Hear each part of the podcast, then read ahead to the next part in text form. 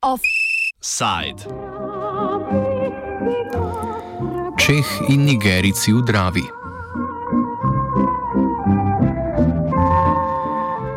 Enem najstarejših slovenskih urbanih naselij, katerega korenine segajo daleč v antiko, si znameniti kurenti že obešajo zvonce okoli pasu, svoje želodce pa intenzivno pripravljajo na vnos ogromnih količin alkohola med pustovanjem. Bližina pomladi, ki jo zaznamujejo kurenti, pomeni tudi skorajšnje nadaljevanje sezone druge slovenske nogometne lige.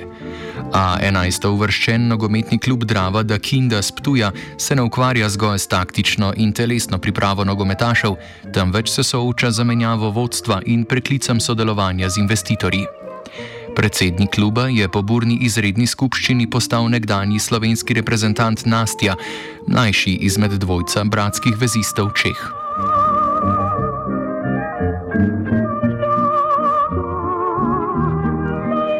Pred slabimi tremi leti je takratni predsednik kluba, že imenovani Nastja Čeh, zaradi finančnih težav na Ptuj pripeljal investitorsko podjetje Dakinda iz Nigerije.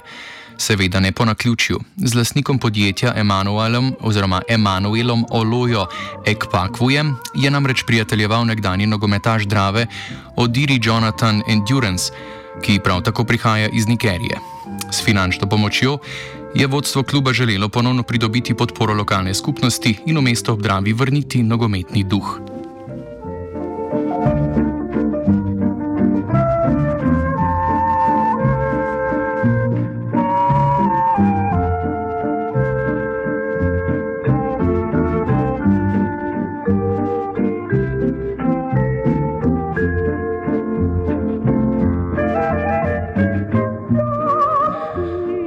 Takrat so se pojavili dvomi o smotrnosti te poteze, ki jih je svojo podporo in obiskom Ptuja malce utišal upokojeni nigerijski nogometni zvezdnik Nwanko Kanu, ki je blestev predvsem v angliški Premier League. Financiranje kluba pa je pomenilo tudi zamenjavo v vodstvu. Nastja Čeh je postal podpredsednik, predsedniški stolček pa je zasedal Emanuel Ekpakvu, lastnik investitorskega podjetja sodelovanje podjetja in nogometnega kluba ter njegov razvoj oriše športni novinar portala Ekipa 24 Robert Balantič. Da bi se razvil na tekmovalnem področju, se ni. Glede tekmovalnih dosežkov ni bilo nekih eh, storjenih korakov naprej, ampak eh, ljudje v klubu zagotavljajo, da so bili postorjeni neki, neki temelji novi za nov začetek, da so bili poravnani določeni dolgovi, da se je uh, uredila nogometna šola. Uh, to je nemogoče, zdaj govorim to, kar sem slišal od njih, težko je preveriti, ker kot pravim na tekmovalnem področju, korakov naprej, ki bi jih pričakovali ob takih vložkih v drugi slovenski ligi, za zdaj ni bilo. Adakinda je kaj kmalo pričela zamujati s sponzorskimi nakazili, kar je, to je seveda jasno, skrhalo odnose med Čekom oziroma Čehom in investitorji. Dolg naj bi danes znašal že približno 400 tisoč evrov. Kolikor je meni znano, je to podjetje na začetku izpolnjevalo svoje obveznosti iz, eh, iz pogodbe, v prvem letu tudi v drugem. Pol, so, pol je pa vir financiranja prenehal in mislim, da je to bil prvi korak proti temu. Pač nas je verjetno ustrajal pri tem, da, da, da, da, da izpolnjuje svoje obveznosti. Oni denarja niso nakazovali, eh, od katerega je kljub pač odvisen in veste, kako pol, če ni denarja, pol hitro pride do, do, do, do razhajanj. In mislim, da je to bil uh, prvi korak, uh, na kar se vse skupaj zgolj stopnjevalo, kot, tudi, kot pravi zdajšnje vodstvo, spet novo da tudi zdaj tega nakazila zadnjega obroka ni bilo, da bi naj dolgovi znašali že 400 tisoč evrov. In uh, potem pač pride do, do, do razprti, do takšnih in drugačnih obtoževanj, ki škodijo klubu, ki škodijo na posle celemu, celotnemu slovenskemu nogometu. Slika ni ravno obetavna, ampak z investitorji pač se dogajajo tudi take stvari. Ne? Obtožbe pa strelja tudi lasnik Dakinde in donedavni predsednik kluba Ekpakvu. Pred izredno skupščino kluba je namreč medijem v elektronskem sporočilu naznanil, da bodo glasovali o razrešitvi podpredsednika, to je Nastje Čeha, saj naj bi po njegovi krivdi v klubski bilanci zmanjkalo več kot 200 tisoč evrov. Odvetnik Borut Razgoršek, ki sodeluje s podjetjem Dakinda, je potrdil, da je donedavni predsednik nogometnega kluba sprožil postopke pri policiji ter Evropski in svetovni nogometni organizaciji, ki jih je obljubil po odhodu iz razburkane skupščine. Balantič pojasni, da gre namara le za stare zamere, saj se je že na skupščini izkazalo, da Akpakfu Čehu ne očita kraje, temveč le netransparentnost. Je, jaz mislim, da ta obtožba temelji predvsem na zamerah, brez konkretnih dokazov, brez, uh, uh, brez uh, kakršnih koli argumentov, ker tudi na skupščini je že, uh, je že zastopnik uh, podjetja nigerijskega, uh, je že naredil korak nazaj, celo dva koraka nazaj in rekel, da se mu zdi, da vendarle ni nihče ničesar ukradel, ampak da pač nekaj ne štima v. Eh, nekih računih in da je samo treba urediti, ampak kraje, kraje ni bilo več uh, omenjene. Ne. Ampak mislim, da je predvsem prišlo do takih zamer uh, med njimi, da, da, so, da so začele uh, deževati takšne obtožbe in dvomim pa vsej nisem videl dokazov do zdaj nobenih in tudi onih niso predstavljeni. No, tako da je o tem res težko govoriti zdaj. Na čem temelijo, ne vem bojo morali, bojo morali, bojo morali pač predstaviti neke argumente. Finančne težave kluba tudi pod pokroviteljstvom nigerijskega podjetja trajajo že več časa. Lani poleti smo v oddaji Suspenzor poročali o težavah pri izplačilu plač nekaterim tujim nogometašom NK Drave. Takrat je, eh, takrat je Drava za finančno pomoč zaprosila sindikat profesionalnih nogometašev, krajše Spins. Predsednik sindikata Dejan Stefanovič je takrat pojasnil, da je sindikat s tem namenjenim skladom pomagal že štirim klubom, sredstev pa ni povrnil še noben. Mislim, da je že tretji, četrti klub, eh, pa z večino, strani večine subjektov terjatve še vedno niso ga eh, vrnili. Ne govorimo zdaj o posvilu kot finančnem inštrumentu, da bi mi imeli kjerkoli korist, eh, to je brezobrestno posvilo pomoč, zato da se našim članom um, zagotovi osnovno preživetje. Ne. Imamo primer uh, angliškega sindikata, ki je klubu Championshipa dva meseca nazaj posodil milijon funtov. Mi zdaj se držimo v okviru svojega finančnega uh, poslovanja, mi posodimo, koliko v tem trenutku klub zahteva. Ne. Nismo pa banka, ne, uh, niti nismo zato tu, mi iščemo dolgoročne rešitve um, inicijativ, ki, smo, ki jo predlagam že od vsega začetka, je Garancijski sklad, jaz lahko zdaj povem, da smo se končno uskladili glede tega, da je nujno potreben zdaj samo problem, uh, kdo bo in na kakšen način bo, uh, bo zadeva financirana. Mi smo pripravljeni v prvem letu vložiti 50 tisoč evrov, uh, podobno zdaj se pričakujemo tudi od kluba in nogometne zveze in to je ena od, od rešitev, ki bi, um, ki bi um, tudi v obliki pravil to zadevo rešvala. Ne. Druge so pa še, ne vem, uh, solidarnostni sklad, uh, uh, lahko tudi nek. Mislim, osnovni problem je, kdo in na kakšen način to zadevo podpira finančno. Ne. En od modelov financiranja, ki ga poznamo iz tujine in ki je bil predlog na nivoju FIFE, uh, je, da se ta sredstva zbirajo preko procenta vrednosti transferjev. Se pravi, če bi Maribor prodal igralca in bi iz tega naslova zaslužil 2 milijona evrov, bi 5% dal v ta sklad kjer bi lahko se porabil ta denar ne samo za poplačilo obveznosti, posojila, ampak tudi za kaj drugega.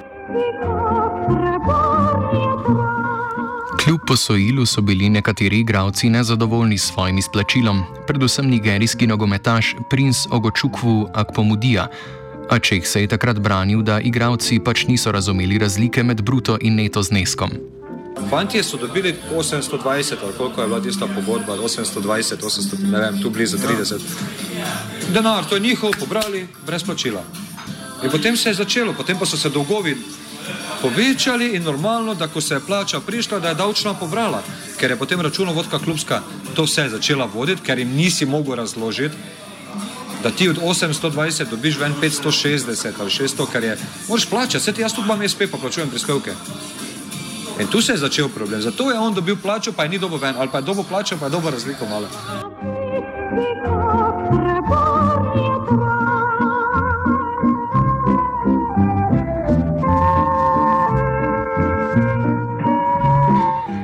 Stefanovič je v suspenzorju opozoril, da ima kljub jasno določeno odgovornost do igralcev, predvsem tujih. Potem takem bi moral kljub sam rešiti finančne nesporazume s svojimi igralci.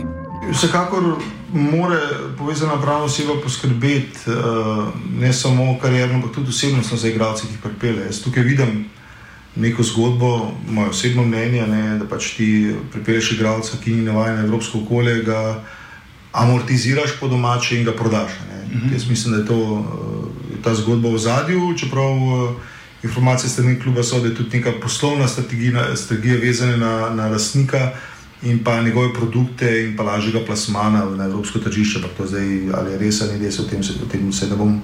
Uh, ne bom tukaj spuščal, uh, nismo nikakor za to, da se prepele uh, begunce, ne, pa da se pač uh, jim uniči življenje. Ne, mi tukaj uh, smo zato, da smo servis, ne, ne samo članom, kot vsem, ki, uh, ki imajo take drugačne težave v slovenskem nogometu.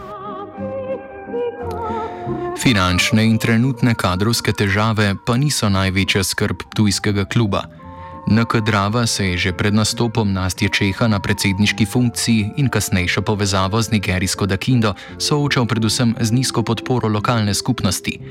Čeh je odnose s prebivalci mesta ob Dravi predstavil za suspenzor Julija Lani. Razen nekaterih manjših, moram povedati, da lokalna skupnost v zadnjih štirih letih če bi rekel katastrofa, bi verjetno premila. Da bi se vlagalo, ker verjetno oni ne dojamejo, da en nogometni klub ni isto, eh, niso isti vložki kot recimo, da se, pa ne podcenjujem, zdaj pač razliko, to, ni, to je pač toliko več vsega, toliko več stane, toliko je, toliko je, verjetno ne dojamejo tega.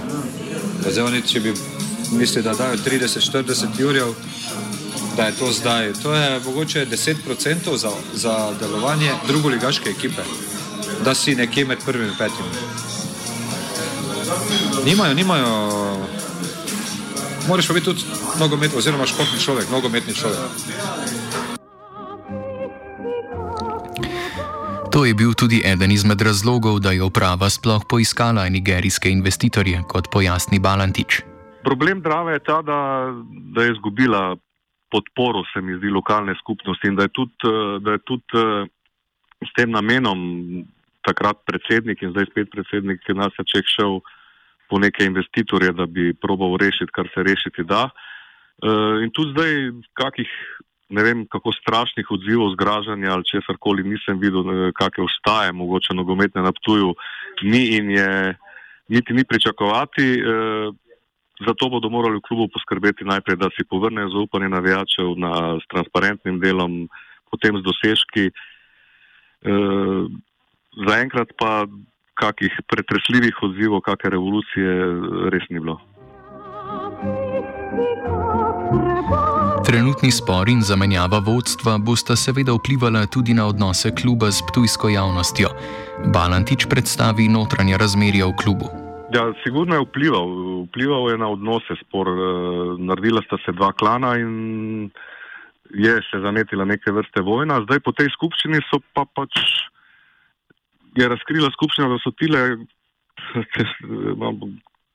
huda beseda, pripadniki Nastje Čeha, vseeno večini, so izglasovali, razrešili staro vodstvo, Nigerici so se sami omaknili tudi iz kluba, uh, tudi nekateri ljudje, ki, ki, ki, ki ki so jim bili zvesti, tako da zdaj v tem trenutku mislim, da se bojo odnosi, vse v, v začetni fazi, da se bojo uredili, da, da so spet skupaj ljudje, ki, ki hočejo sodelovati in da tisti, tistih, s katerimi niso hoteli, ni več v klubu, zdaj tudi na račun na nek način prisile, so jih iznali iz kluba. No, se so odšli sami, ampak uh, z namenom, ker je skupščina takoj prekinila pogodbo, razveljavila pogodbo sponzorsko in to je Nigericem dvignilo tlak in so kar sami zapustili klub z, klubske prostore za obljubo, da pač se vidijo na sodišču in jasno je, da ta zgodba še zdaleč ni končana, da bojo in oh in sploh nadaljevan in da bo še zanimivo.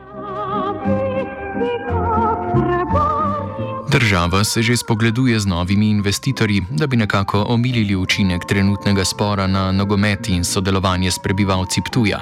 A investitorji ne bodo ne iz Črne Gore, niti iz Španije, kot so poročali nekateri mediji. Lahko, lahko povem, no, da sem govoril z Nastjo in da je potrdil, da, se, da, se, da je navezal stike z novimi investitorji da pa menda ne prihajajo iz Črne Gore, prav tako ne iz Španije, kot, kot, kot smo poročali nekateri mediji, kot so poročali nekateri mediji. Je pa dejstvo, vse po njegovih besedah, da bo vse skupaj hitro znano, ker je jasno, da časa ni, denar nujno potrebujejo in eh, tako da bo to zagotovo hitro znano. Če je to rešitev, je pa seveda drugo vprašanje. Za konec Balantič predstavi, kakšne probleme si lahko nakoplje slovenski nogomet, če uprave klubov ne bodo previdne pri izbiri investitorjev. Ja, ne, ta problem investitorjev v slovenskem nogometu se mi zdi, da bo, da bo, da bo vse večji in da bi lahko zaradi tega imeli vse več težav tudi v našem nogometu. Ne, ker, smo, ker so slovenski klubi, ki jim kronično primankuje denarja, so lahka tarča za, za relativno poceni denar se jih da prepričati in jasno pa je, če nekdo da denar, ima svoje interese, on odloča, eh, potem ga lokalna skupnost ne zanima, kaj pride, ampak gleda samo svoje interese, kar bi lahko vplivalo na delo z, predvsem z otroci, z mlajšimi selekcijami in ne vem, če bi se vse skupaj stopnjevalo, bi, bi, bi, bi lahko imeli problem sestaviti že reprezentanco čez leta naprej, ker bo zmanjkalo igralcev doma, doma vzgojenih. Zaključimo v stilu s pravim srcem in z glavo.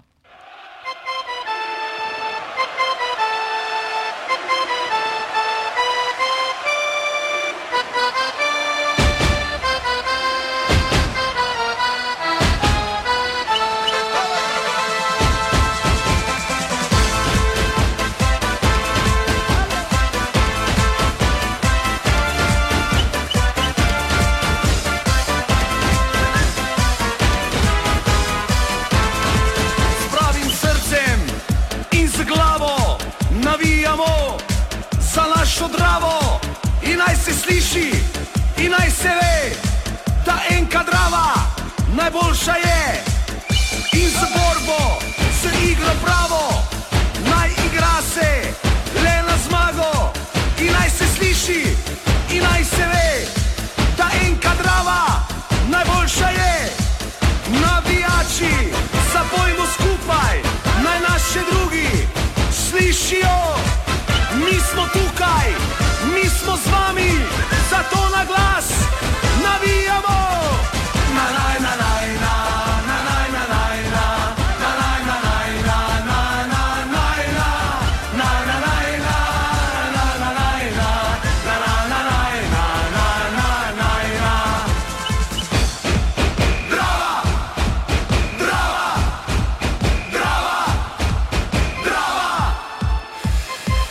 Naj, na, naj, naj, naj, naj, naj, naj, naj, na glas je zadravo navijal Virant.